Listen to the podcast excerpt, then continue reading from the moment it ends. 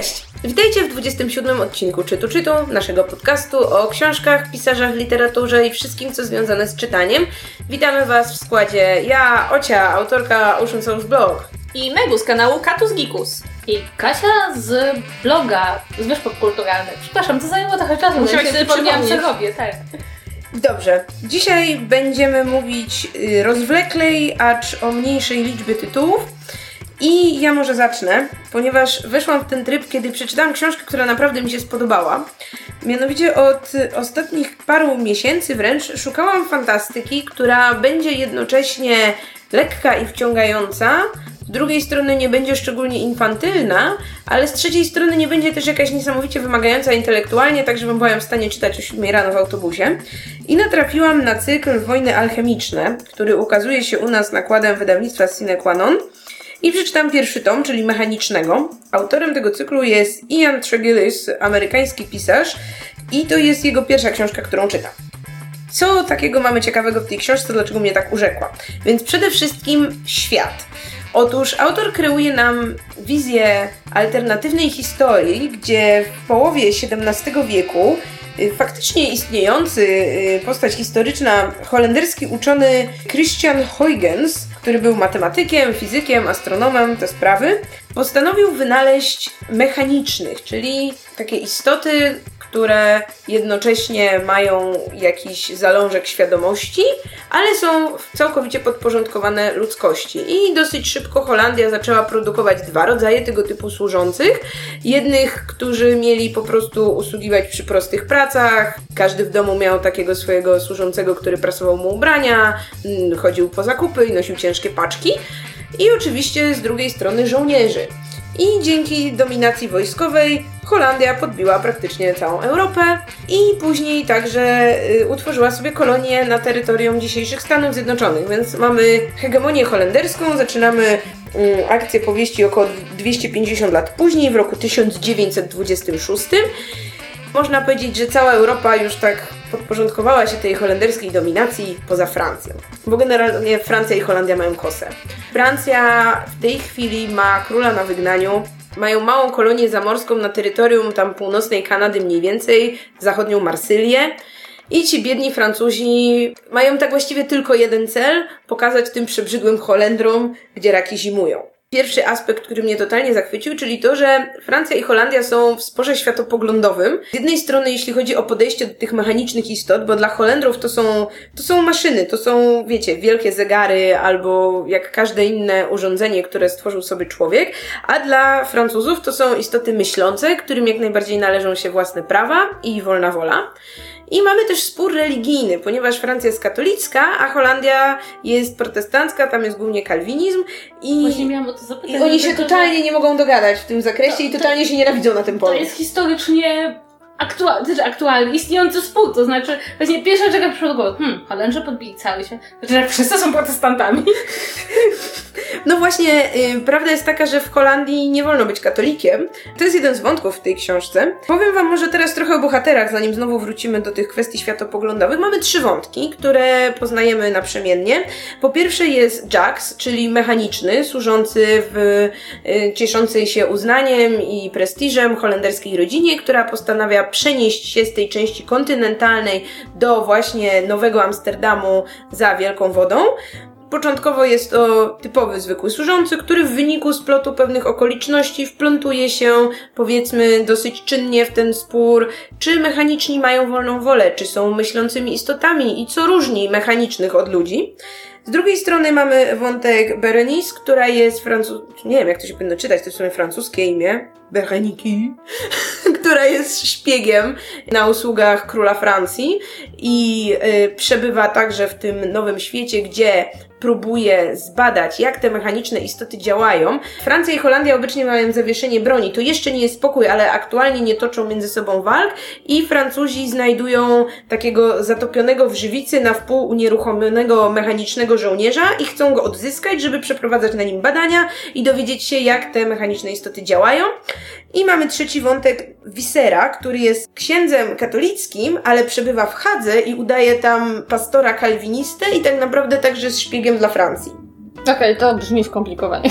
Ale nie jest, e, niekoniecznie jest nieprawdziwe historycznie, bo były takie czasy, kiedy w niektórych miejscach księża musieli się ukrywać w Anglii na przykład. W związku z tym i też czasem udawali pastory. To, to, to, Mhm, to, to ma sens, jest, no to nie? ma sens, tak. I on jest generalnie bardzo wierzącym człowiekiem. To nie tak, że tylko jest szpiegiem, a generalnie religia to jest jakaś przykrywka. Nie, dla niego religia jest kwestią bardzo istotną i kwestia tego, że on jest katolikiem, także jest jednym z istotniejszych wątków tej książki. I tak, z jednej strony mamy bardzo dużo takich wątków szpiegowskich, politycznych, przygodowych, rzeczy się dzieją, jest dosyć częsta taka zmiana sytuacji aktualnej. No, Nasi bohaterowie popadają w kolejne tarapaty i to, co jest super, to bohaterowie ponoszą konsekwencje swoich działań. Czyli jeśli ktoś zrobi coś głupiego, to słuchajcie, autor zemści się na tej postaci w sposób niekiedy bardzo, bardzo okrutny.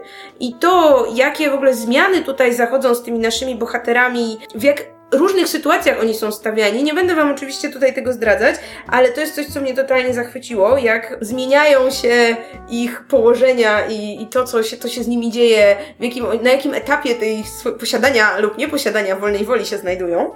A druga rzecz, która może nie dla wszystkich zabrzmi zachęcająco, to jest taka obecność, powiedziałabym, takiego wielkiego humanizmu w tej książce. Powiedziałabym, że to jest taka fantastyka humanistyczna, ponieważ religia, filozofia i właśnie te wszystkie kwestie dotyczące tego, co jest istotą człowieczeństwa, czym jest wolna wola, jak to działa, to w tej książce znajduje dla siebie bardzo dużo miejsca. W połowie tej książki dwie postacie przeprowadzają dysputę, gdzie jedna strona powołuje się na Kartezjusza i na jakieś takie kwestie epistemologiczne, na kwestie właśnie wolnej woli, a druga strona powołuje się na Spinozę, który no, był bardzo krytykowany w swoich czasach za właśnie taki determinizm, za relatywizm moralny, bo on był pochodzenia żydowskiego i to, co on w ogóle pisał, było tak krytykowane ze strony żydowskich uczonych, na niego dziś, do dziś chyba jest ekskomunika nałożona, jeśli się nie Znaczy, mylę. e, nie mogą nałożyć ekskomuniki, bo to jest znaczy wykluczenie z kościoła. No, E, ale, odpowiednik, że tak ale tak. Ogólnie tak. Tak, więc to jest, słuchajcie, coś, czego ja się kompletnie nie spodziewałam w tej książce, ale no to jest taka trochę. Mm, to nie jest jakby przygięta, przeintelektualizowana książka, przez którą się jakoś ciężko brnie. Nie, to jest, powiedziałabym, taka filozofia trochę w pop wydaniu. To znaczy, można by się zastanawiać, dlaczego w 1926 roku najbardziej aktualne wciąż są myśli oświeceniowe, dlaczego to nigdzie nie poszło dalej. W ogóle bardzo dziwne są losy świata w tej książce, bo tak naprawdę przez to, że Holandia podporządkowała sobie całą tę Europę, no nie było, nie wiem, rewolucji francuskiej, I wojny światowej, ale nie ma też elektryczności w tej książce. Po miastach jeżdżą wyłącznie powozy i tak naprawdę cała ta technologia z jednej strony dużo bardziej zaawansowana w stosunku do tego, co mieliśmy, z drugiej strony zatrzymała się w jakimś momencie i no nie czuję się kompetentna, by stwierdzić, na ile tak by mogło być, ale przyznam szczerze, że to mnie trochę zastanowiło. Dlaczego autor postanowił umieścić akcję swojej powieści w 1926 roku? Jak dla mnie to spokojnie mogło być 100 albo 200 lat wcześniej i wtedy wydałoby mi się to paradoksalnie dużo ciekawsze, niż jak mamy tę perspektywę, że hmm, XX wiek, a wszyscy się zachowujemy, jak byłby co najwyżej XVIII. Więc to jest to, co mi powiedzmy gdzieś tam y, zgrzytało. Powiedziałabym, że książka kończy się takim uczuciem niedosytu, takim miłym uczuciem niedosytu, bo z jednej strony nasi bohaterowie coś osiągnęli i do czegoś doszli i na końcu książki każdy z nich znajduje się w skrajnie innym położeniu niż na początku tej książki. Jestem równocześnie niesamowicie ciekawa, co autor przygotował dalej i dla bohaterów, i dla tego świata.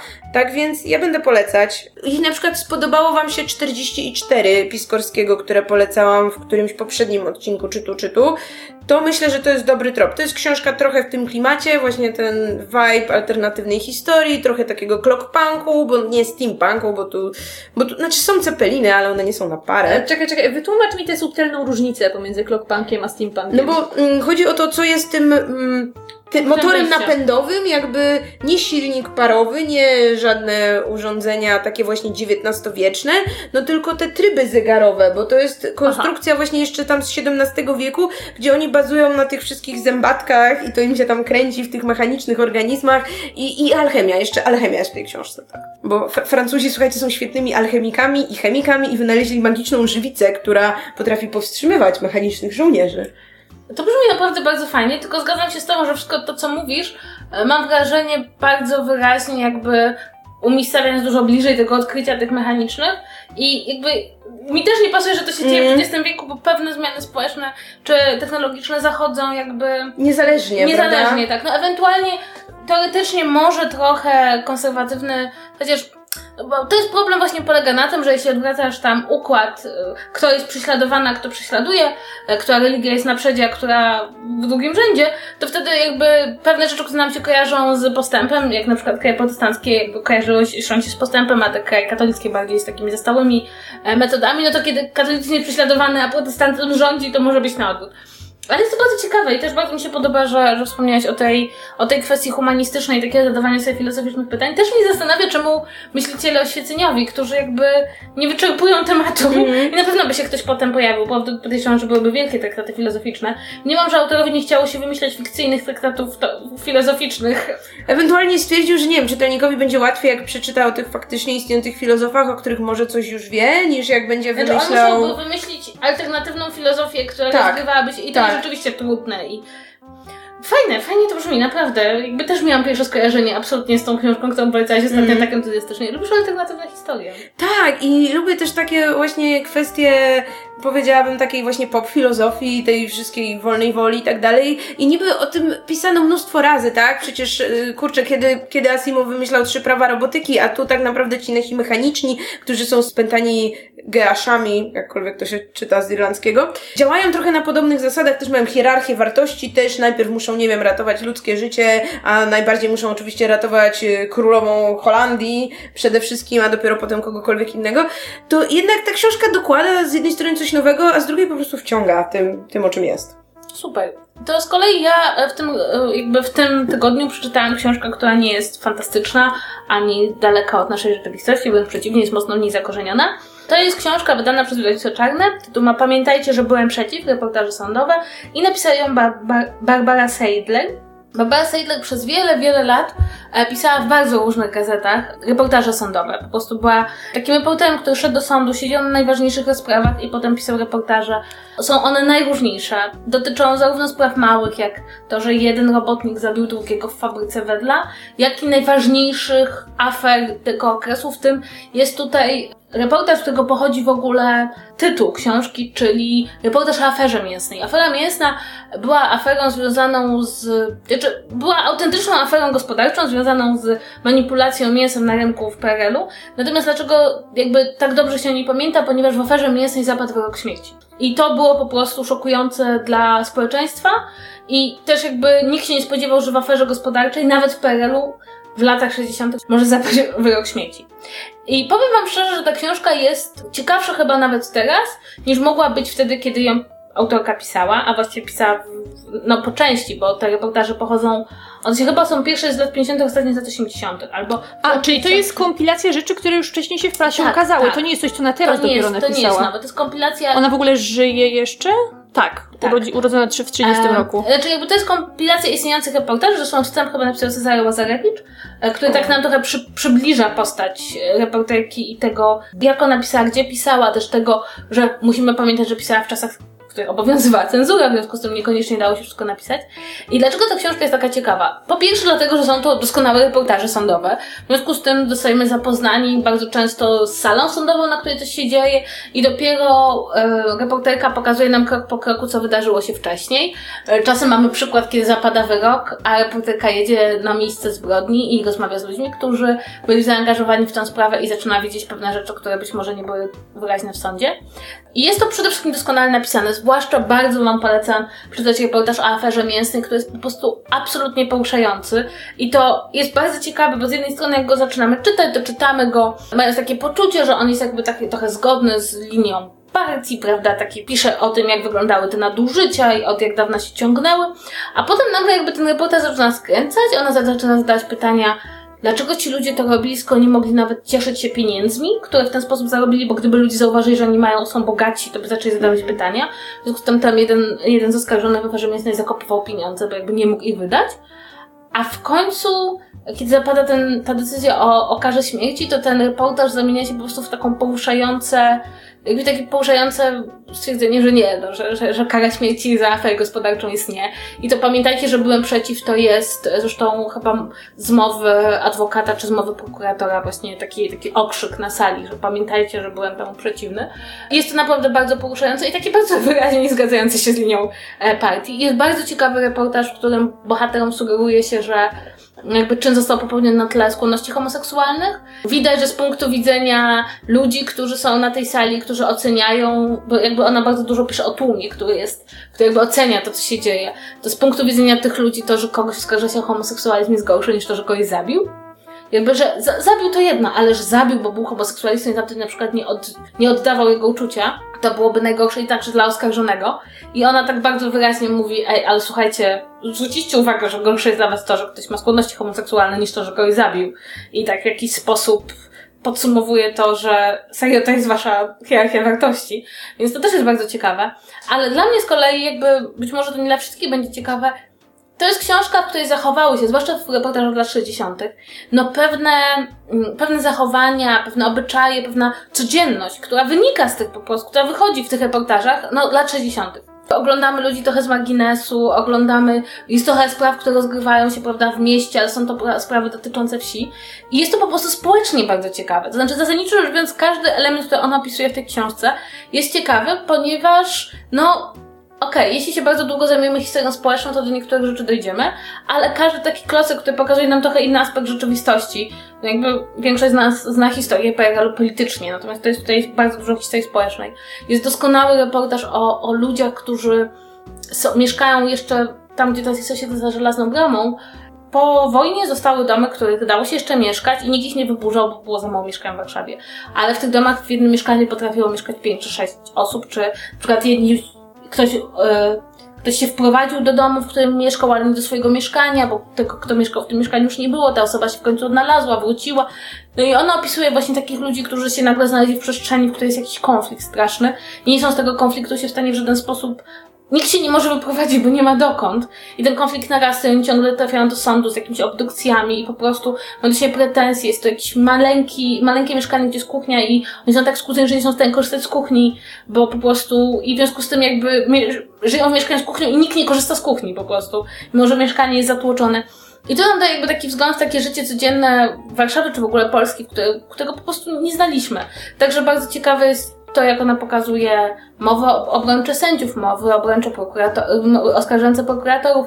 Jest taki bardzo smutny fragment o mężczyźnie, który zabił drugiego w takim jakimś zamroczeniu alkoholowym i poznajemy jego historię i okazuje się, że to był dobrze zapowiadający się aktor, który po prostu nie był w stanie wyjść z alkoholizmu. I tak zasadniczo rzecz biorąc, to jakby jest to opowieść, którą my jakby podejrzewam, że znamy ze współczesności, o tym, jak ktoś się pogrąża w alkoholizmie i nie jest w stanie z niego wyjść, ale jest opisane z niesłychanym humanizmem i delikatnością i takim zrozumieniem. I fakt, że to wszystko się rozgrywa na sali sądowej, to jakby nie odbiera tej sprawie i nie odbiera ludziom zaangażowanym w osąd też takiego humanistycznego spojrzenia. I to zresztą też jest ciekawe, bo niezależnie od tym, co, co myślimy o, mm, o sądownictwie czasów słusznie minionych, e, to ona jakby no, no trochę, bo musiała, ale też podejrzewam, że dlatego tak się działo. Wyłapuje też takie przejawy, gdzie gdzie jakby sprawa jest taka, że tutaj nie chodzi o żadne sprawy polityczne, tylko musimy osądzić ludzi. I, I, czasem prawo jest trochę bezradne, a czasem jakby staramy się jakieś, jakąś ludzką tragedię znaleźć w granicach prawa. Jest tutaj historia poruszająca o dziewczynie, która zamordowała swoją matkę i sąd ją zrozumiał. Uuu, e, komunistyczny sąd kogoś zrozumiał. To znaczy, nie, no, to znaczy dziewczyna zamordowała matkę, poćwiartowała, włożyła ją do walizki i sąd to zrozumiał. Co więcej, to jest ciekawe, bo moja mama chyba znała dziewczynę, która zeznawała w tej sprawie. Jakby to, był, to była taka sytuacja, w której sąd zrozumiał, że ta dziewczyna poćwiartowała tą matkę. I to, to jest... Jakim potworem musiała być ta matka? No właśnie. E, I to też jest bardzo ciekawe, jakby, że, że tutaj do, widzimy jakby takie pewne aspekty nawet pracy samego sądu, które być może nie przychodzą nam do głowy, i jest to po prostu fenomenalna książka. I to jest ciekawe, bo ona, mam wrażenie, jest lepsza teraz niż wtedy, kiedy powstawała. Bo wtedy, kiedy powstawała, miała tylko ten taki wymiar reportażu sądowego, miała wymiar społeczny, a teraz ma ten dodatkowy, że poznajemy trochę historii od innej strony. Oczywiście te, w tych reportażach trzeba je czytać z taką pamięcią, że tam jakaś cenzura jest, jeśli nawet ona publikowała w życiu literackim, w którym można było publikować dużo więcej, bo to nie jest tak, że we wszystkim ta cenzura działa równie opresyjnie, czy potem, jak już w latach 80. to nie była sama, co w latach 60. Więc o tym trzeba pamiętać. Trzeba pamiętać, że tam niektóre zdania należałoby czytać z pewnym takim aparatem krytycznym, ale z drugiej strony same te historie kryminalne bardzo często są takie, że tutaj zasadniczo rzecz biorąc ten aparat krytyczny, który tam wyłapuje, nie jest nam potrzebny, bo on opisuje po prostu, co się działo między ludźmi i jakby spektrum tych spraw jest niesamowite. No i na samym końcu ten jakby uczciwość reporterki potwierdza ten reportaż o aferze mięsnej, który ostatecznie jest bardzo takim wyraźnym odrzuceniem wizji, że można kogoś skazać na śmierć za aferę gospodarczą i też jakby ona opisuje też zdaniem ludzi, którzy byli na tej sali, którzy byli oburzeni tym wszystkim, jakby kara śmierci to być może jest niewystarczające, więc, więc naprawdę bardzo, bardzo to polecam. Jest to, mam wrażenie, coś, co co jest takim dobrym spojrzeniem w takie nasze humanistyczne problemy i to, z czym tak naprawdę musi się borykać system sprawiedliwości, bo nam się wydaje, że system sprawiedliwości musi się borykać z problemami paradoksalnie prostymi, ktoś złamał prawo i jest winny, tak? A tymczasem e, te reportaże, mimo że ci rozgrywa się zupełnie jeszcze, pokazują, że czasem nasz system sprawiedliwości, niezależnie od tego, czy jest doskonały, czy niedoskonały, staje przed olbrzymim, skumulowaną ilością problemów, zwłaszcza w sprawach karnych, tak? I, i sędzia jakby może funkcjonować w ramach prawa i musi funkcjonować w ramach prawa, ale to nie znaczy, że napisaliśmy prawo, które obejmuje wszystko. I, i też jakby polecam to też tym ludziom, którym się wydaje, że nie ma czegoś takiego jak okoliczności łagodzące, bo te reportaże pokazują właśnie, że tak naprawdę trochę czasem całe nasze życie to są okoliczności łagodzące. Tak naprawdę, naprawdę bardzo polecam. Jest to świetna książka z takim takim głębokim humanistycznym przesłaniem i, i też e, jeśli, jeśli się wam Powiem szczerze, jeśli się Wam wydaje, że szkolna wiedza o PRL-u wyposażyła Was w całą wiedzę o czasach minionych, to bardzo polecam sobie uzupełnić chociażby tą książką i przeczytać wstęp Cezarego Łazarewicza, bo e, jednak jeśli nie macie takiego własnego aparatu krytycznego, to bardzo dobrze jednak ze wstępem.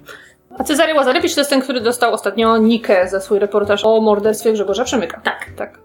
I, I ja muszę przyznać, że ja strasznie chciałam przeczytać tę książkę i... I teraz tego nie No i teraz nie mogę tego zrobić, bo Kasia już to zrobiła. Jak No. będzie przerwa, to sobie ją nadrobię. Ale ja, y, jak posłuchałam teraz, o czym ona jest, ja byłam przekonana, że to jest książka o zupełnie czymś innym.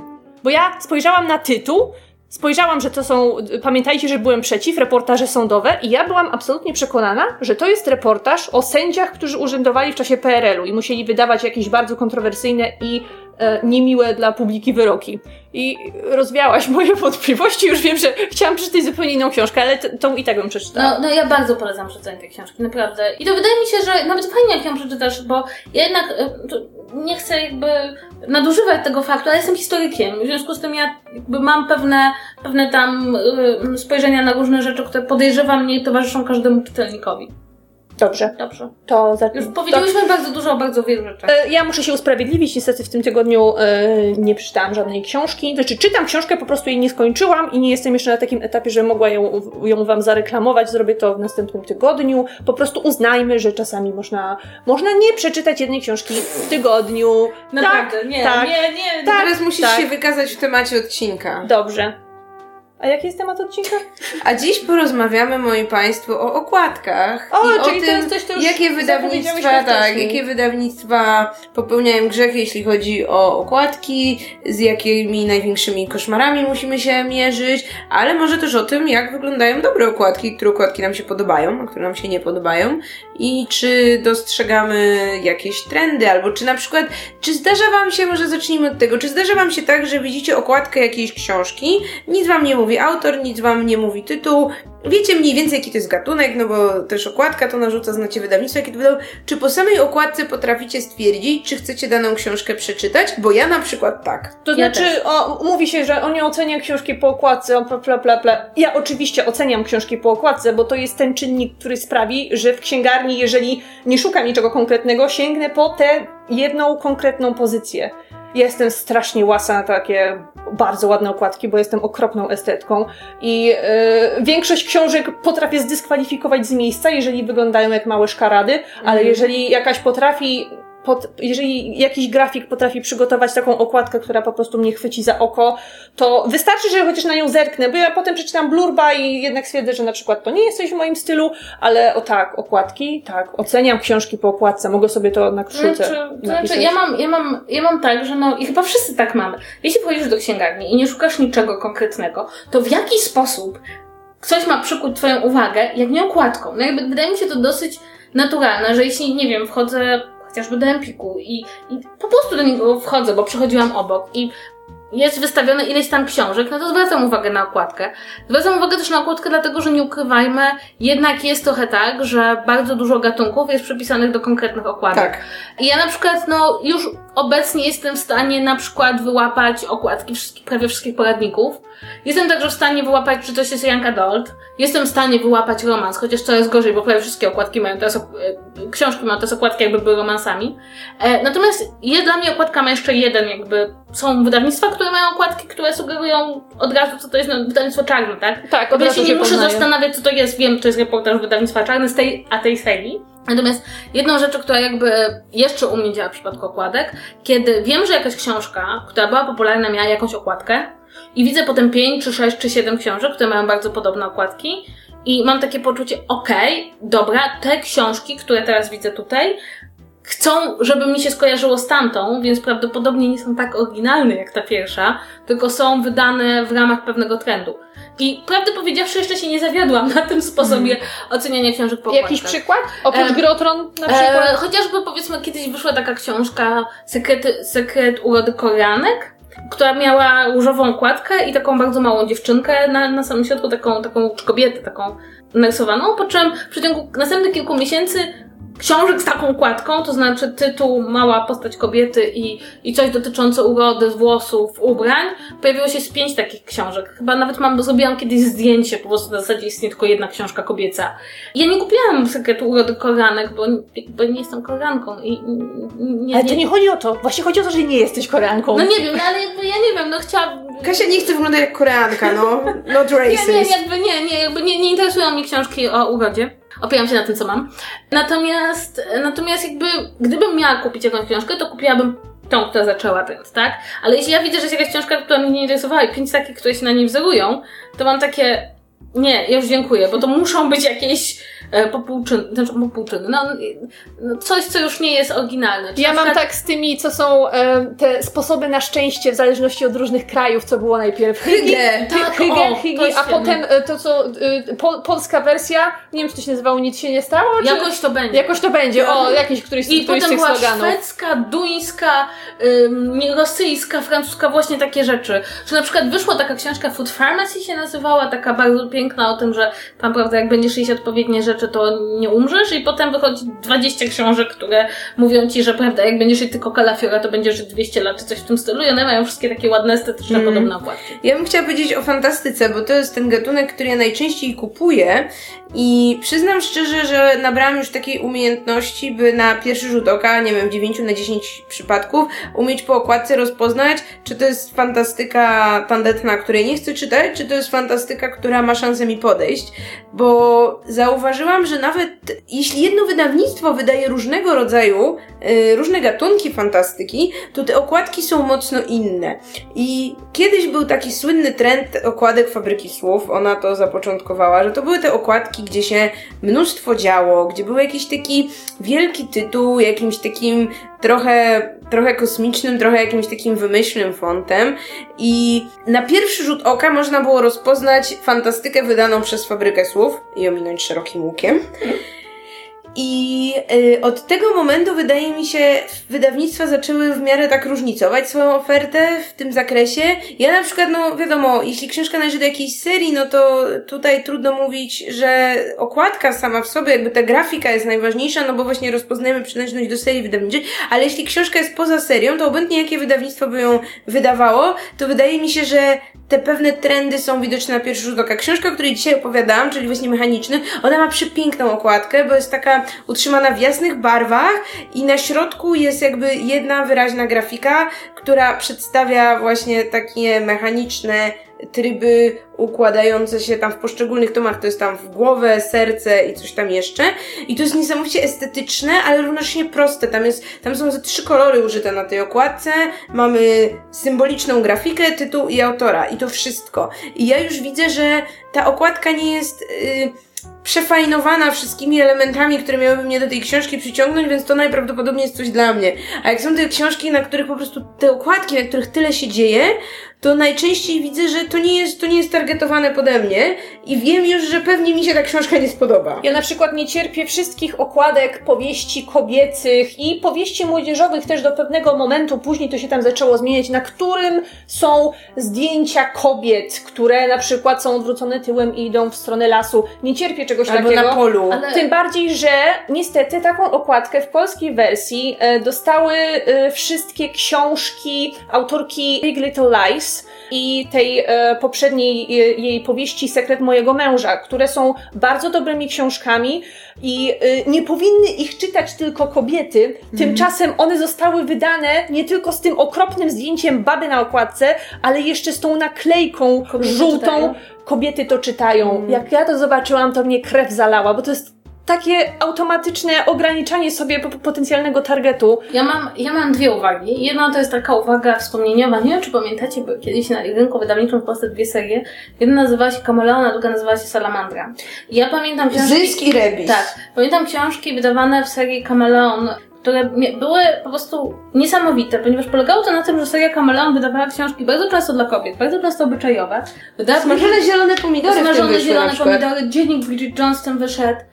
I co było w tym cudowne? Że to były książki, które miały jeden kolor okładki i jedną rzecz na tej okładce. Znaczy jako, jakiś sym, symboliczny, czy to był jakiś... Tak. I to było fenomenalne, ponieważ ta książka zasadniczo rzecz biorąc nie mówiła nic o tym, do jakiego człowiek chciał czytelnika, do jakiego czytelnika chciał wydawnictwo trafić. Natomiast ja na przykład bardzo ufałam serii. Tak. Ona pięknie wyglądała, ale też ufałam, że książki wydane w tej serii coś je łączy i, i to było fenomenalne. W Salamandrze z kolei wychodziły takie książki trochę dziwniejsze. Tak, na przykład cały Jonathan Carroll wyszedł w Salamandrze i to też wyglądało tak, że na okładce jest na przykład, nie wiem, jabłko, albo patyki, albo jakaś maskotka, albo kawałek psa i takie, takie randomowe rzeczy. I Teraz, teraz Jabłko to jest dom, domena e, Young Adultów. Twilight, też e, Winter, czyli ostatnia część naszej e, ulubionej ale serii. to było fenomenalne, bo te okładki jakby nie wmuszały ci żadnego, nawet gatunku. Tak. Jakby, to, to Jak było- widzisz patyki na okładce, to w środku może być absolutnie wszystko, I to tak? było, to było właśnie, gdybym miała powiedzieć, jakie okładki są wymarzone dla mnie, to to by były te, bo one jakby nie wciskały książki w żadną interpretację, zanim ją jeszcze w ogóle się otworzyło. Natomiast wydaje mi się, że to jest ten moment, w którym ja mogę opowiedzieć o okładkach z perspektywy chyba wydaje mi się dosyć unikatowej, to znaczy z perspektywy osoby, która biła się o własną okładkę. Dajesz. Otóż e, w ramach autopromocji może, ja popełniłam dwa lata temu książkę, nazywała się Dwóch Panów z branży i opowiada o dwóch bohaterach płci męskiej. Na drugim planie były ich żony, ale ogólnie było to o dwóch facetach, którzy tam przez w dwudziestoleciu międzywojennym i trochę wcześniej prowadzą razem kino. E, Książka, no, gdybym miała ją nazwać, była obyczajowa, no po prostu, nie była romansem. Nie było tam żadnego romansu, zero romansu. Romans nie stanowił centrum tej książki. No i e, napisałam książkę, wydawnictwo ją przyjęło i pojawiła się propozycja, jak mają wyglądać okładki. Pierwsza propozycja okładek mi się niesamowicie podobała. Były to okładki, które miały takie bardzo retro zdjęcie kina na, e, na okładce. Gdzieś tam w tle były zdjęcia takich dwóch panów z epoki, jakichś w cylindrach. Zaakceptowałam tę okładkę jako bardzo fajną. Nie zaakceptowała jej góra, która sprzedaje okładki. Znaczy sprzedaje książki. Mhm. I potem przyszła do mnie druga e, propozycja okładek, gdzie jakby nadal było zdjęcie kina i nadal byli dwaj panowie, a było dużo różowych napisów.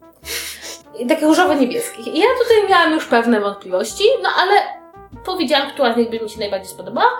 Po czym, uwaga, uwaga, zostało do mnie wysłane, że góra chciałaby taką okładkę. I to była okładka, gdzie na, na której mężczyzna sławał kobietę. E, pod spodem jest tytuł dwóch panów z branży, bo taki, taki jest tytuł książki.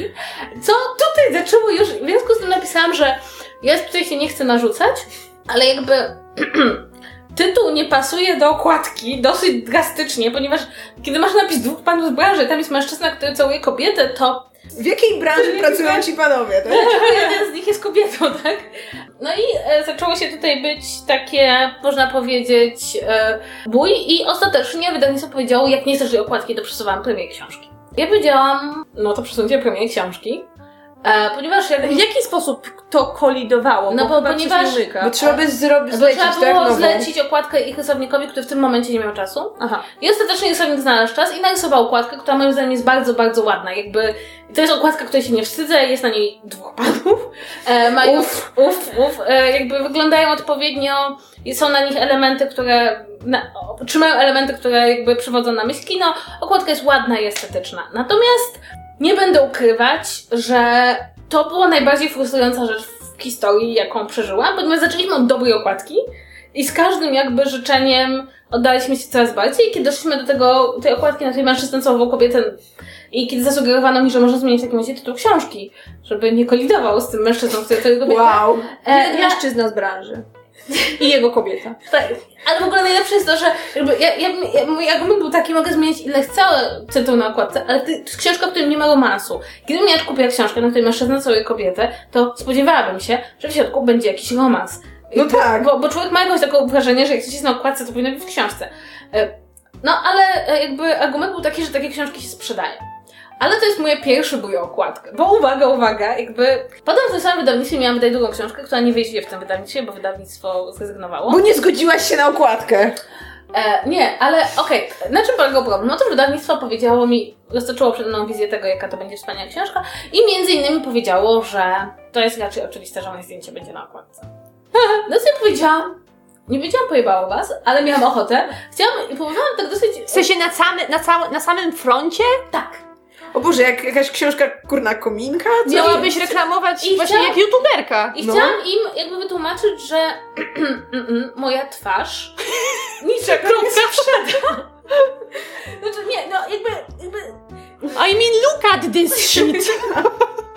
To jest też znaczy próbowałam im wytłumaczyć, że jakby e, nie mam bardzo rozpoznawalnej twarzy. Jakby jeśli ludzie mnie znają, to znają mnie z bloga, gdzie jakby Nie ma Nie za ma- często twojej twarzy. nie ma mojej twarzy za często. Jakby gdybym była jakąś osobowością telewizyjną czy kimś takim, to jeszcze rozumiem, aktorką, tak?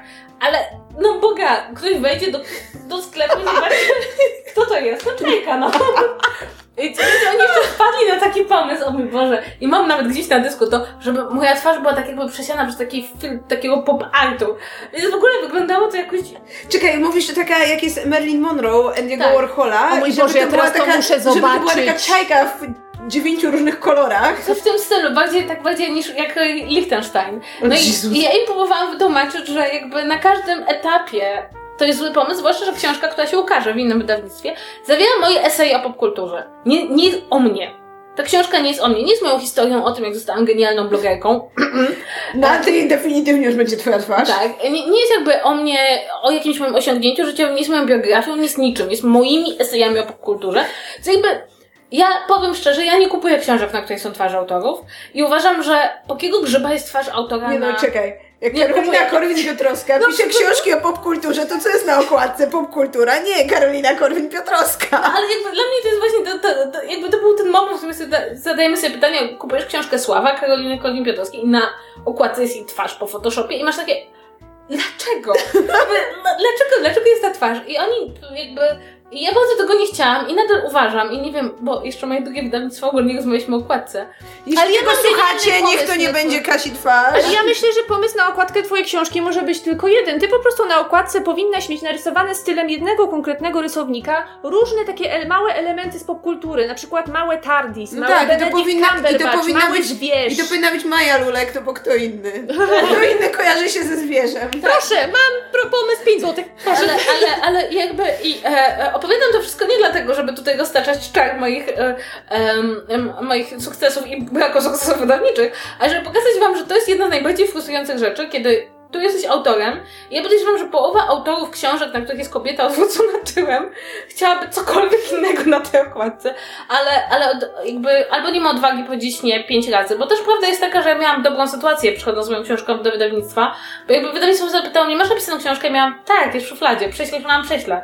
Przesłałam, wydałam. Jakby nie było takiego, to jest dzieło, to jest dzieło mojego życia. Ale podejrzewam, że jeśli ktoś się na tym bardzo, bardzo wymęczył i e, jest to dla niego dzieło życia i bardzo chce jakby odnieść sukces, no to się zgodzi na coś, co wmówi mu wydawnictwo. A wydawnictwa chcą mieć na okładce albo twarze autorów, jeśli to jest ktoś z internetów. Czy to się naprawdę sprzedaje?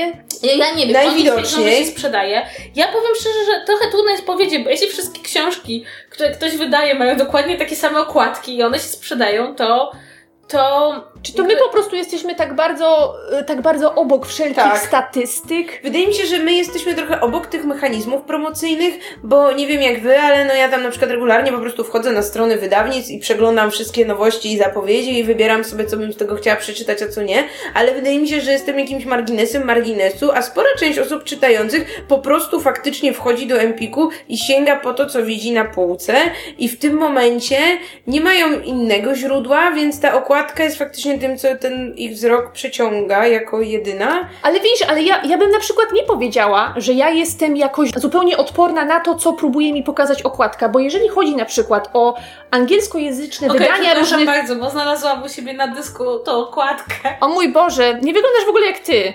O Boże, nie wiem kto to. No więc ogólnie rzecz biorąc tak. Kat Dennings, to już, to, to jest Kat Dennings na tym rysunku. Dobrze, e, wracając do tego, co, co zaczęłam mówić, e, nie wydaje mi się, żebym była totalnie odporna na urok okładek, bo kiedy patrzę na anglojęzyczne wydania tych samych książek, które później ukazują się w Polsce, jak na przykład byliśmy w Londynie i weszłyśmy do e, londyńskiej księgarni, to ja dostawałam kociokwiku na, na widok każdej okładki. Po pierwsze dlatego, że są wielkoformatowe i mają grubą oprawę, ale mają tak przepiękne te grafiki, wszystkie young adulty, one są tak pomysłowe i ludzie, którzy nad tym myślą, y, o, tam są pewne trendy. Na przykład, nie wiem, ostatnio są trendy, żeby, y, żeby robić takie po, y, twarze postaci takie, takie wek wektorowe, czyli one są uproszczone, ale y, mocno kontrastują z jakimś y, tłem, które jest ciemne, albo robi się okładki na tle takich skomplikowanych ornamentów z kwiatów albo dżungli. I to jest coś, co na mnie strasznie działa, ale to są też książki, które są w tym momencie produkowane z takimi okładkami taśmowo. Więc to nie jest tak, że, o, że, że ja uważam, że jestem jakaś wyjątkowa, tylko że te książki mi się tak, rzeczywiście te, te okładki mi się podobają. Ale kiedy one się pojawiają w Polsce i kiedy wydają je polskie wydawnictwa, to te okładki po prostu są o pięć poziomów brzydsze. No ja właśnie- nie wiem, czy gust pola, polskiego czytelnika jest taki antyestetyczny. Nie wiem, o To co po tu pierwsze, chodzi. a po drugie pieniądze. To znaczy, ja y, często czytywałam jakieś tam zakulisowe informacje od wydawnictw i opinia, że dużo taniej zlecić, ksio- zlecić zrobienie okładki polskiemu artyście lub, co częstsze, dużo taniej kupić losowe zdjęcie na stoku, a grafik doda fonty, jest znacznie, znacznie tańsze niż wykupienie praw do okładki wydania anglojęzycznego. Tak, e, dlatego to jest takie śmieszne, jak później się okaże, że, jedno, że dwa różne wydawnictwa wzięły to samo zdjęcie stokowe. Oczywiście, ja mam w swojej kolekcji kilka książek, które mają takie same okładki, tylko inaczej wykadrowane. Ale najlepszy przykład to jest przecież wydawnictwo czarne wydało Annę Kańtoch, Łaska, ma to samo zdjęcie, które pojawia się na k- okładce książki Olga i Osty. Tak. To jest Tak, to samo zdjęcie. Hałas. I to tak. więc one się znają, Ania. Tak. I obie książki są bardzo dobre i polecamy w ogóle, to też jest warte. Natomiast e, była taka cudowna rzecz, kiedy Gra o Tron e, jakby jeszcze nie wyszła do Polski z oficjalnymi okładkami, to okładka z Gry o Tron była bodajże na jednym z tomów Niechętnego Szermierza i był tam Jon Snow. I po prostu potem wyszło to i nagle się człowiek zorientował, że te okładki układają się Tak. w historię. Zresztą jakby mój problem polega trochę na tym, że Okładka może też mieć drugą funkcję, znaczy właśnie nie tylko być, informować o gatunku, czy być ładna, czy nieładna, ale także może być charakterystyczna dla wydawnictwa. I jakby już wspomniałam o wydawnictwie czarne, że jakby widzisz po okładce, e, że to jest w jakiejś serii wydawniczej, jakiegoś wydawnictwa i no mamy takie wydawnictwa, do których podchodzimy z jakąś sympatią i ja mam problem wtedy, kiedy wydawnictwa zaczynają wzajemnie naśladować swoje okładki, po to, żeby jakby, no to tak było ponownie, z fabryką słów Mhm. ich sposobem, jakby narzuceniem tego stylu okładek e, innym książkom fantastycznym w Polsce. I nagle bierzesz coś, co wygląda jak z fabryki słów, chociażby, nie wiem, ja, ja nie kupuję książek z tego wydawnictwa, ale powiedzmy, i to jest coś zupełnie innego. I to mnie też trochę denerwuje, bo jakby w tym momencie mam takie wrażenie, że ktoś mnie próbuje oszukać. I tak bardzo często mam, jeśli okładka sugeruje mi, powiedzmy, że biorę do ręki romansa, to jest powieść obyczajowa, albo że, nie wiem, na siłę stara się, powiedzmy, klasykę, klasykę wydać z okładką ala współczesny young adult, tylko żeby... Mm. To ja mam takie wrażenie, że czy naprawdę to się opłaca wydawnictwu oszukać, jakby oszukać, zmylić czytelnika, żeby on się potem poczuł rozczarowany książką, którą czyta. Bo to mnie najbardziej No hej, już kupił. No tak, ale z drugiej strony nie masz pozytywnych emocji wtedy, bo masz, chciałeś czytać zupełnie, zupełnie co innego. Przy czym oczywiście też, e, oczywiście też trzeba pamiętać, że czytanie książek po okładkach e, czasem może niestety prowadzić na manowce, bo jest trochę złych książek, które mają piękne okładki. Tak, To to, też jest, to niestety- jest problem. Czasem, czasem jest ten dylemat, czy kupić tę książkę, która będzie średnią książką, ale ma taką śliczną okładkę i pasuje mi do serii, czy może jednak odpuścić.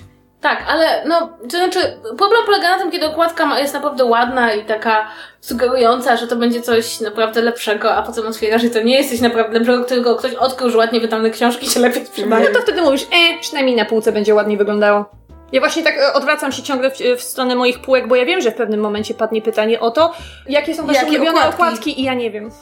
Dlatego tak oglądam jeszcze. Ja, ja, coś ja, ja wam powiem, twarde, Tak, tak, tak, twarde tak. i spójne. To znaczy, ja na przykład, jeśli miałabym powiedzieć, jaka jest moim zdaniem najpiękniej wydana seria książek, to to są dzieła wybrane Filipa K. Dicka w wydawnictwie Rebis, które mają na okładkach fragmenty obrazów Wojciecha Siódmaka. Wszystkie jak jeden mąż. W środku na wyklejce mają fragmenty y, y, tych takich, Boże, jak to się nazywa? Szkiców? Litografii, o. Szkiców i litografii, również Wojciecha Siódmaka i więc te książki są spójne, są charakterystyczne, pasują do tego, co jest w środku, bo te obrazy są dziwne i te książki są dziwne.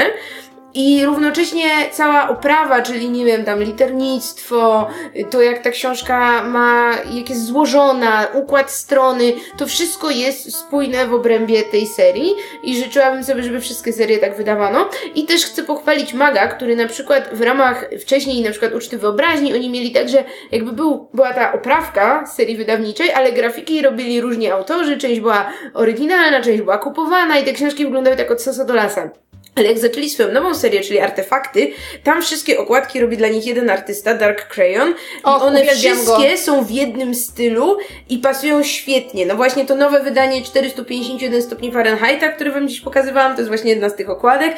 I one są prześliczne i wszystkie są w takiej dosyć mrocznej kolorystyce, że jakby bazą jest ten czarny kolor albo, nie wiem, granatowy tej okładki i na tym gdzieś tam są te postaci, czy jakieś tam charakterystyczne elementy. Super to wygląda.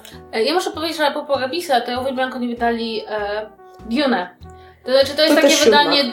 do, tak, do postawienia sobie na półce, ono jest takie mało przynośne, ale też dokładnie wszystko to, co powiedziałeś odnośnie Kadika, działa też w przypadku Mhm, Dune, one tak. pasują, one jakby, od razu wiesz, że nie sięgasz po lekką książkę, jak ty Mhm. mówisz Dune z półki. Ja jakby abstrahując od tych takich wydań, takich wielkich książek, to mi się bardzo podobały okładki dwóch pierwszych książek Rainbow, Rainbow Rainbow Rowell. Dziękuję.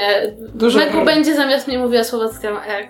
Które wyszły w Polsce, to było Fangirl i Eleonora Ray Park. One były wy- wydane w bardzo takich ładnych, pastelowych okładkach z jedną grafiką na środku. I takie, ten, zwłaszcza Ray Park miała taką super grafikę, bardzo minimalistyczną, ale świetnie pasującą do treści książki. Fangirl z kolei, z kolei miała na okładce, wydaje mi się, że ilustratorka się nazywa Ginger Hayes i to ona wymyśliła partę King Sanduril na tym, na tam To była ona? Tak. A to w ogóle Tak. nie poznałam stylu, a przecież czytam te komiksiki. I bardzo mi się to podobało, bo to były takie, te okładki były bardzo proste, bardzo ładne, w fajnych kolorach utrzymane, bardzo dobrze trafiające mniej więcej w wiek, styl i estetykę młodych ludzi. I niestety bardzo mi się zrobiło przykro, bo następne dwie książki, które wydano tej samej autorki, już nie miały takich ładnych okładek. Ale w ogóle mam wrażenie, że dużo fajnych okładek jest w literaturze Janka Dowd. Znaczy, że oni... Oj tak, zdecydowanie. Mam też wrażenie, że bardzo dużo ludzi, którzy tworzą te okładki, zdają sobie sprawę, że one wyglądają na Instagramie, albo, Mhm. albo na Snapie, albo jakby w internecie i robią te okładki po to, żeby one ładnie wyglądały. No chociażby Ja- Cinder. Tak, właśnie, dokładnie. Ta saga księżycowa ma tak prześliczne te okładki i te kolory i to, że tam jest ten jeden symbol taki charakterystyczny i że zawsze to jest symbol jest czerwony, a książka jest granatowa. O Boże, jakie to jest piękne. Mnóstwo książek Jan, właśnie teraz ma takie bardzo ładne, przemyślane okładki, że albo to są y, jakieś syfloresy, albo jakieś takie graficzne symbole, tylko już nie ma czegoś takiego, co było kiedyś, że y, kiedyś na Dziewczyna. okładce, że dzie- dziewczyna była na okładce Tak. Janka Dół. I y, w związku z tym y, y, czasami wybuchało wiele kontrowersji, bo na przykład były książki, których główna bohaterka była czarnoskóra, a wydawnictwo decydowało się wydać tę książkę z dziewczyną na okładce, która była biała. I nie, wiem- nie wiem, czy natykałyście się kiedyś na takie, na takie sprawy, ale mnóstwo tego było, naprawdę bardzo dużo. Nie, ja z kolei e, też mogę się podzielić od, tak, od swojej strony informacją, która wydaje mi się, że jest pozytywna i mam nadzieję, że wydawnictwa robią to częściej. E, mianowicie, jak przetłumaczyłam książkę, to wydawnictwo konsultowało ze mną okładkę.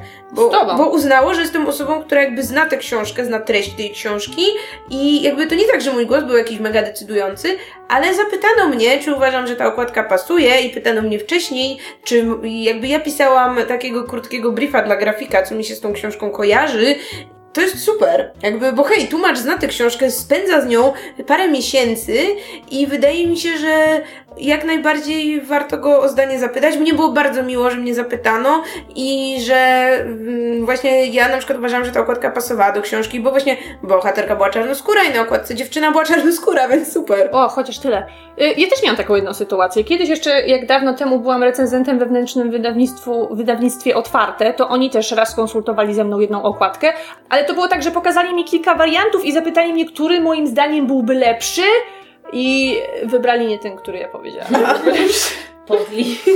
No Nie, to cóż, znaczy- ale przynajmniej zapytali. Znaczy, ja wam coś powiem szczerze, z okładkami jest ten problem, że rzeczywiście nie da się ukryć, że to jest takie wielkie pytanie, czy ktokolwiek ma monopol na poczucie estetyki czytelników, prawda? To znaczy, nam się podobają jedne rzeczy, ale z kolei właśnie komuś innemu, kogo, nie wiem, wydawnictwo otwarte mogło zapytać, podobało się co innego. Dla mnie fajne jest, kiedy jest spójność między, jeśli tłumaczenie książki między oryginalną okładką, a okładką polską, chociaż e, chociażby unicestwienie Tak, Jeff Vandermeer. miał świetne okładki w Mhm. Polsce. I Tak, miał, miał lepsze niż lepsze niż zagraniczne. zagraniczne. Chociaż tamte też są ładne, tylko że tam są po prostu jakieś takie trawy przeplątające się, jakieś takie kolorowe, a te polskie są takie psychodeliczne Tak, i moim zdaniem robią tak. robotę totalnie. Tak, więc jakby to się zdarza, że nasze okładki są lepsze. Tak, Tylko tak. Ja uważam, że powinna być po prostu spójność okładki z treścią w takim najogólniejszym tego słowa znaczeniu i chciałabym, żeby nie było tak, że jak patrzę po jakimś trendzie na półkę w księgarni, to wszystkie okładki są takie same, bo ja się zastanawiam, no, czy oni myślą, że naprawdę kupię pięć książek tylko dlatego, że okładka jest podobna, czy chcą, żebym ja się pomyliła i chciała kupić inną książkę, Tak. a kupiła ich, to też wydaje mi się trochę, naprawdę chcecie, żeby ktoś potem kojarzył książkę, którą kupił za, z tym, że się zawiódł? Bo wydaje mi się, że to nie jest dobry, dobry system. Ja bym bardzo chciała, żeby było więcej książek, gdzie faktycznie ilustrator robi tę okładkę, a mniej książek, gdzie są zdjęcia stokowe, bo Mhm. raz, że to jest praca dla polskich grafików, dwa, że no właśnie te okładki z reguły są charakterystyczne i są ciekawe, no właśnie jak te wspomniana przez Ciebie okładki do unicestwienia i kontynuacji, no właśnie to usiadł grafik, który, nie wiem, może przeczytał tę książkę albo chociaż dano mu jeden rozdział i który w jakimś sensie widać, że tam jest pomysł, tam jest koncepcja. Bo to nawet mogą być postaci pokazane na tej, na, na okładce. Byleby nie było to zdjęcie, ale na przykład, żeby był to rysunek. Mamy tylu świetnych polskich Tak. ilustratorów, którzy swój styl mogliby tchnąć w tą okładkę i w te ludziki na tej okładce. I ja naprawdę potrafię, nie wiem, z, z głowy już parę osób wymienić, które bym widziała jako tych ilustratorów do okładek książek. A nie macie jeszcze wrażenia jednego, że o ile okła- z okładkami leżymy, jeśli chodzi o prozę, o tyle reportaże, książki publicystyczne, eseje, wiecie, to jakby cała ta masa książek, które nie są, nie są związane z literaturą, mają u nas bardzo często bardzo dobre okładki. To znaczy, są, nie, nie wiem, mężczyźni, którzy tłumaczą mi świat, miało bardzo dobrą okładkę po polsku. W ogóle to wydawnictwo, nie pamiętam. Charakter. Charakter ma fenomenalne okładki książek.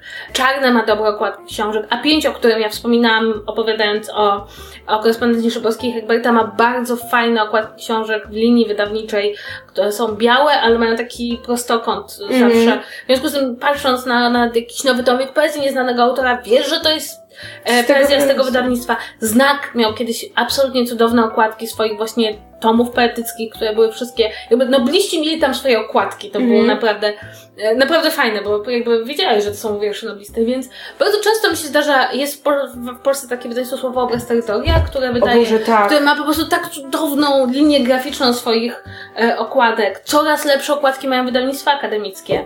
Na przykład zdarzyło mi się kilka razy widzieć książki wydawane przez Uniwersytet Warszawski, które miały naprawdę dobre okładki. Już się kończą powoli e, siermiężny czas okładek książek naukowych. WAB miało całą świetną serię książek naukowych, e, gdzie było po prostu takie zdjęcie na okładce i i taki kol kolorem zaznaczone, prawda, że są różne książki, żeby one się tam e, nie, nie myliły. Więc jakby ja widzę, że jest po prostu mnóstwo świetnych okładek, książek, które nie starają się trafić do wszystkich. Mhm. tak. Na przykład Italo Calvino, i nie pamiętam kto go wydaje, nie wiem czy to nie jest charakter, ale mogę się mylić. On ma takie, wszystkie jego książki mają takie geometryczne wzory i okienko na środku. I to są po prostu książki nie do pomylenia z jakimi innymi, innymi książkami. Tak, więc jakby to jest dosyć ciekawe, że to nie jest tak, że my nie mamy utalentowanych grafików. O I właśnie nie, mamy, tylko tak, mamy wydawnictwa nie chcą ich zatrudniać. I, i, i e, Kakta chyba właśnie wydał taką fajną książkę o młodych polskich grafikach, o której Tak. mówiłam kiedyś. I zapewniam Was, że oni wszyscy mogliby robić genialne okładki książek. Część z nich robi okładki książek, które są genialne. I Ja, ja bym nawet nie powiedziała, że to wynika, nie wiem, z takiego powodu, że załóżmy, że oni chcą za dużo pieniążków za tą, za tą okładkę, tylko że jest pewien zestaw cech, które Mhm. według marketingowców okładka powinna posiadać, żeby, żeby rzucić się w oczy potencjalnemu czytelnikowi w księgarni i to jest chyba najsmutniejsze. No i też czas, no bo jednak taki grafik musi to narysować od podstaw, a wzięcie zdjęcia ze stoka i nałożenie tytułu to wiadomo, trzy razy mniej pracy, więc podejrzewam, że w przypadku, kiedy bardzo chcemy wydać szybko tego poczytnego autora, bo nowy mróz już za dwa miesiące, jeszcze nie wydaliśmy poprzedniego, no to jednak tak będzie dużo szybciej. Tak, no. To jest niestety chyba ten problem, który nam już towarzyszy przy długim podcaście. To znaczy, że od książek wymagamy, żeby były czymś więcej niż produktem. To znaczy, jakby, żeby zapełnić, za, za, zaspokoiły nasze potrzeby estetyczne chociażby, czy żeby były spójne wewnętrznie, a z drugiej strony są tylko produktem, bo wydające wydawnictwo chce zarobić. I czasem chce zarobić korzystając ze zdjęcia ze stoka i kobiety, która idzie w kierunku lasu przez pole. A najśmieszniejsze jest to, jeśli chodzi o te zdjęcia ze stoka, jak mamy serię książek, na każdej okładce mamy zdjęcie ze stoka i widać, że to jest, to nie tak, że to była seria zdjęć ze stoka, że na przykład na każdym jest ta sama modelka, czyli w domyśle na przykład główna bohaterka. Nie, to są kompletnie losowe zdjęcia ze stoka. Nie wiem, czy kojarzycie, jak Fabryka Słów wydawała tę serię Anety Jadowskiej o Dorze Wilk. Och, To tak. pier- jak wydali pierwszy tom w pierwszym wydaniu, to on miał ładną, taką bardzo skromną, narysowaną okładkę, gdzie były, gdzie była chyba główna bohaterka i dwóch głównych bohaterów, coś w tym stylu. Tak, i one były w, taki, w, taki właśnie, y, w, te, w takim nastroju fantazy owiane. Tak. Ja kupiłam tę książkę właśnie Tak, dla i to była okładki. totalnie niesprzedażowa okładka. A że autorka miała sześć tomów łącznie i wydawnictwo widocznie, nie wiem, albo podpisało umowę, albo stwierdziło, że nie no, chcemy, żeby te książki się sprzedawały, to wypuścili potem reedycję pierwszego tomu i już kolejne tomy tylko w nowej wersji, gdzie były właśnie zdjęcia stokowe. I na każdym tym zdjęciu teoretycznie była właśnie rudowłosa kobieta y, trzymająca broń, czyli w domyśle nasza główna bohaterka, tylko kurde, na każdym zdjęciu to była zupełnie inna aktorka, modelka i tak dalej. I to moim zdaniem było tak okropne, jakby to było widać, jakby jak już chcemy zdjęcie dziewczyny, y, która będzie pozować na główną bohaterkę, no to kurczę, wynajmijmy tę modelkę i fotografa, zróbmy sesję zdjęciową na całą serię, żeby chociaż było widać, że to jest ta sama dziewczyna na każdej tej okładce, no. Nie no, za dużo wymagasz, za dużo. Ja myślę, że, że, że ty naprawdę... Jeszcze są te, los, te też kojarzycie, jak są powieści historyczne, to jak wydaje na przykład, um, chcę powiedzieć Dolnośląskie, albo ich imprint, Księżnica, tak, Księżnica na przykład to wydaje i też później inne wydawnictwa, na przykład właśnie Znak, podłapały ten trend, że jak jest y, opowieść jakiejś królowej, czy tam jakiejś innej historycznej postaci kobiecej, to są te zdjęcia ze stoków, gdzie po prostu jest modelka ubrana w taką kieckę z epoki, I jest najczęściej ucięta jest pod brodą. tak, ucięta albo pod brodą, że albo nie widać jej twarzy, albo nie widać jej oczu, albo generalnie jej dekolt jest na pierwszym planie. Jest cała seria tych książek i po prostu wszystkie są identyczne i w jakimś momencie to już nie wiesz, czy to będzie książka o królowej brytyjskiej, czy o królowej hiszpańskiej, bo one wszystkie zaczęły wyglądać tak samo w jakimś momencie. Tak, ale tak samo są takie serie o kobietach w czasie wojny, Mhm. gdzie zawsze jest kobieta doskonale ubrana z perfekcyjnym makijażem w mundurze kolejnej epoki. Tak, albo y, to chyba Znak miał tę serię, gdzie było na przykład o kobietach powstańcach, o kobietach tam robiących coś tam. Dziewczyny wojenne. Dziewczyn, tak! I to były wszystkie takie pięknie umalowane, właśnie takie ufryzowane, te niby fryzury Jakby z przed chwilą wyszły, zeszły ze sceny grając w pilotach w Romie. To, to tak, jest a, a ty masz czytać o tym, jak tam w powstaniu, nie wiem, w kanałach siedziały, nie? No, a ta okładka totalnie ci to mówi. Tak, no ogólnie rzecz biorąc, może, mam, mam takie, znaczy ja mam tako, takie wrażenie, że ja trochę tęsknię za czasami Camelona, że po prostu za okładką, Z która... patyków. z patyków, bo trochę, trochę jest tak, że ja oceniam książki po okładce, a jednocześnie bardzo nie lubię, kiedy na przykład na okładce znajduje się coś, co narzuca mi jakąś interpretację, czy jakieś wyobrażenie bohatera. Ja na przykład nie kupuję książek, staram się, na których jest zdjęcie kogoś, kto może być potencjalnie bohaterem, bo ja mam wtedy tylko sobie mam teraz tak wyobrażać i wiecie, i mam, bardzo tego nie lubię, to jest, ja nie lubiłam nigdy ilustracji, jak byłam dzieckiem też, bo one mi przeszkadzały wyobrażać. Jak czytałaś Harry'ego Pottera? Prawdę powiedziawszy, czytałam Harry'ego Pottera nie zwracając zbytnio uwagi na okładkę. Nie przypadam za tym, dlatego trochę lubię e-booki, bo mogę tą okładkę Mm. przesunąć, jeśli tam jest ktoś, kto jakby miałby być moim bohaterem. Natomiast mam wrażenie, że właśnie dlatego trochę tęsknię za Kameleonem w ogóle ja tęsknię za seriami wydawniczymi, które jakby Mm. mają ten taki klucz, że, że wydają książki zgodnie z jakąś estetyką, yy, wysokością na półce, ale, ale jest tam ktoś, no tak samo jak uczta wyobraźni, Tak, i, i dokładnie, jakby najważniejsze jest też to, że z reguły jest jeden ten jakiś redaktor prowadzący tę serię i po prostu jak wstrzeli się w twój gust, to kolejne tomy kupujesz na ślepo, bo wiesz, że to, co wybrał ten, ten konkretny pan, czy ta konkretna pani, to, to ci się spodoba i nie musisz właśnie podejmować tego wyboru, nie musisz się zastanawiać, o czym będzie ta książka. Może jakieś z tym leniwe po prostu. Prawda? No. E, czy coś jeszcze mamy do dodania? Ewentualnie o okładkach filmowych, ale nie wiem, czy chcemy coś, bo to jest Są tak... brzydkie. A, nie, a ja właśnie chciałabym tutaj polemizować. To zależy, To zależy. to zależy, tak naprawdę, bo To ja, znaczy- ja na przykład sama wspomniałaś, że e, Wielkie Małe Kłamstewska miały w polskim wydaniu okładkę niefilmową bardzo nie teges, a okładka serialowa jest bardzo moim zdaniem w porządku.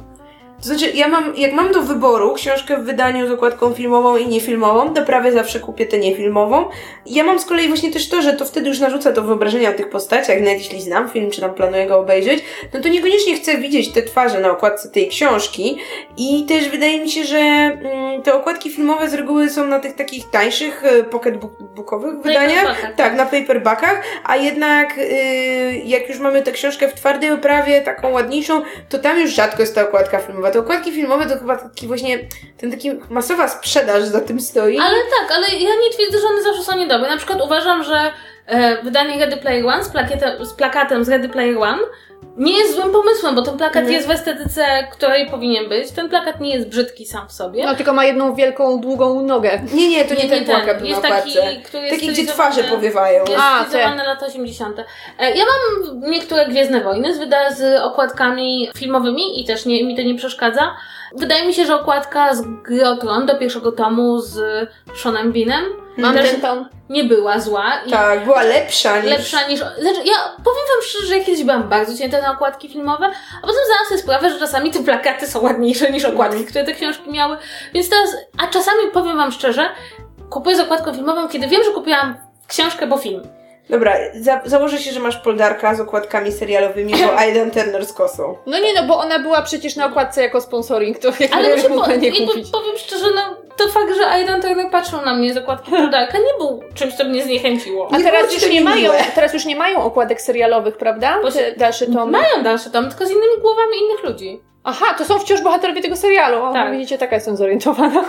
No ale jakby z drugiej strony ja się nie dziwię wydawcy, dlatego że Poldak w Polsce nie ma żadnego zaczepienia poza serialem. Jakby w, w Wielkiej Brytanii ludzie znali książkę zanim obejrzeli serial, a w Polsce tak nie jest. No i zresztą prawdę powiedziawszy, czy mi przeszkadza ten Aidan Turner? No wiadomo, jakbyś miała minimalistyczny piktogram z kosą, to nie byłoby to równie interesujące. W ogóle ja nie Klif kos- na okładce. ale tak, Klif i koniczyna. nie, końwarnia, klify, konie i kopalnie, to jest e, ten. Koń jest, na klifie. I kosa. No. Ja chcę kosę. Ale chciałabym Koń na klifie z kosą. kosy chyba nie ma w książce. O nie, nie W książce nie ma sceny, gdzie on kosi? E, No, Łamiesz mi serce. Tak, no, ale, ale muszę w ogóle jakby bohater i bohater z książki są dwaj różni bohaterowie. Ja przestałam być osobą, która uważa, że okładki filmowe są niedobre. Czasem, czasem paradoksalnie się sprawdzają, czasem jeśli ja na przykład mi się zdarza kupić książkę, bo spodobał mi się film i wtedy czasem to całkiem fajnie i sympatycznie działa.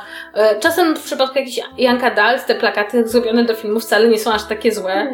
Więc ja nie wiem, jakoś powiem wam szczerze, że kiedyś byłam bardzo przeciwna, a ostatnio się zrobiłam miękka. A ja wciąż nie lubię. Żeby nie było tak, że to powiedziałam i nie wracam. No dobrze, to w takim razie co możecie dla nas zrobić? Możecie pisać nam maile na czytu-czytu-małpa-podsłuchane.pl Możecie zostawiać nam e, komentarze na Facebooku lub na YouTubie. Możecie też zaglądać na fanpage sieci podsłuchane.pl, gdzie znajdziecie inne fantastyczne podcasty, ale żaden nie jest tak fajny jak nasz.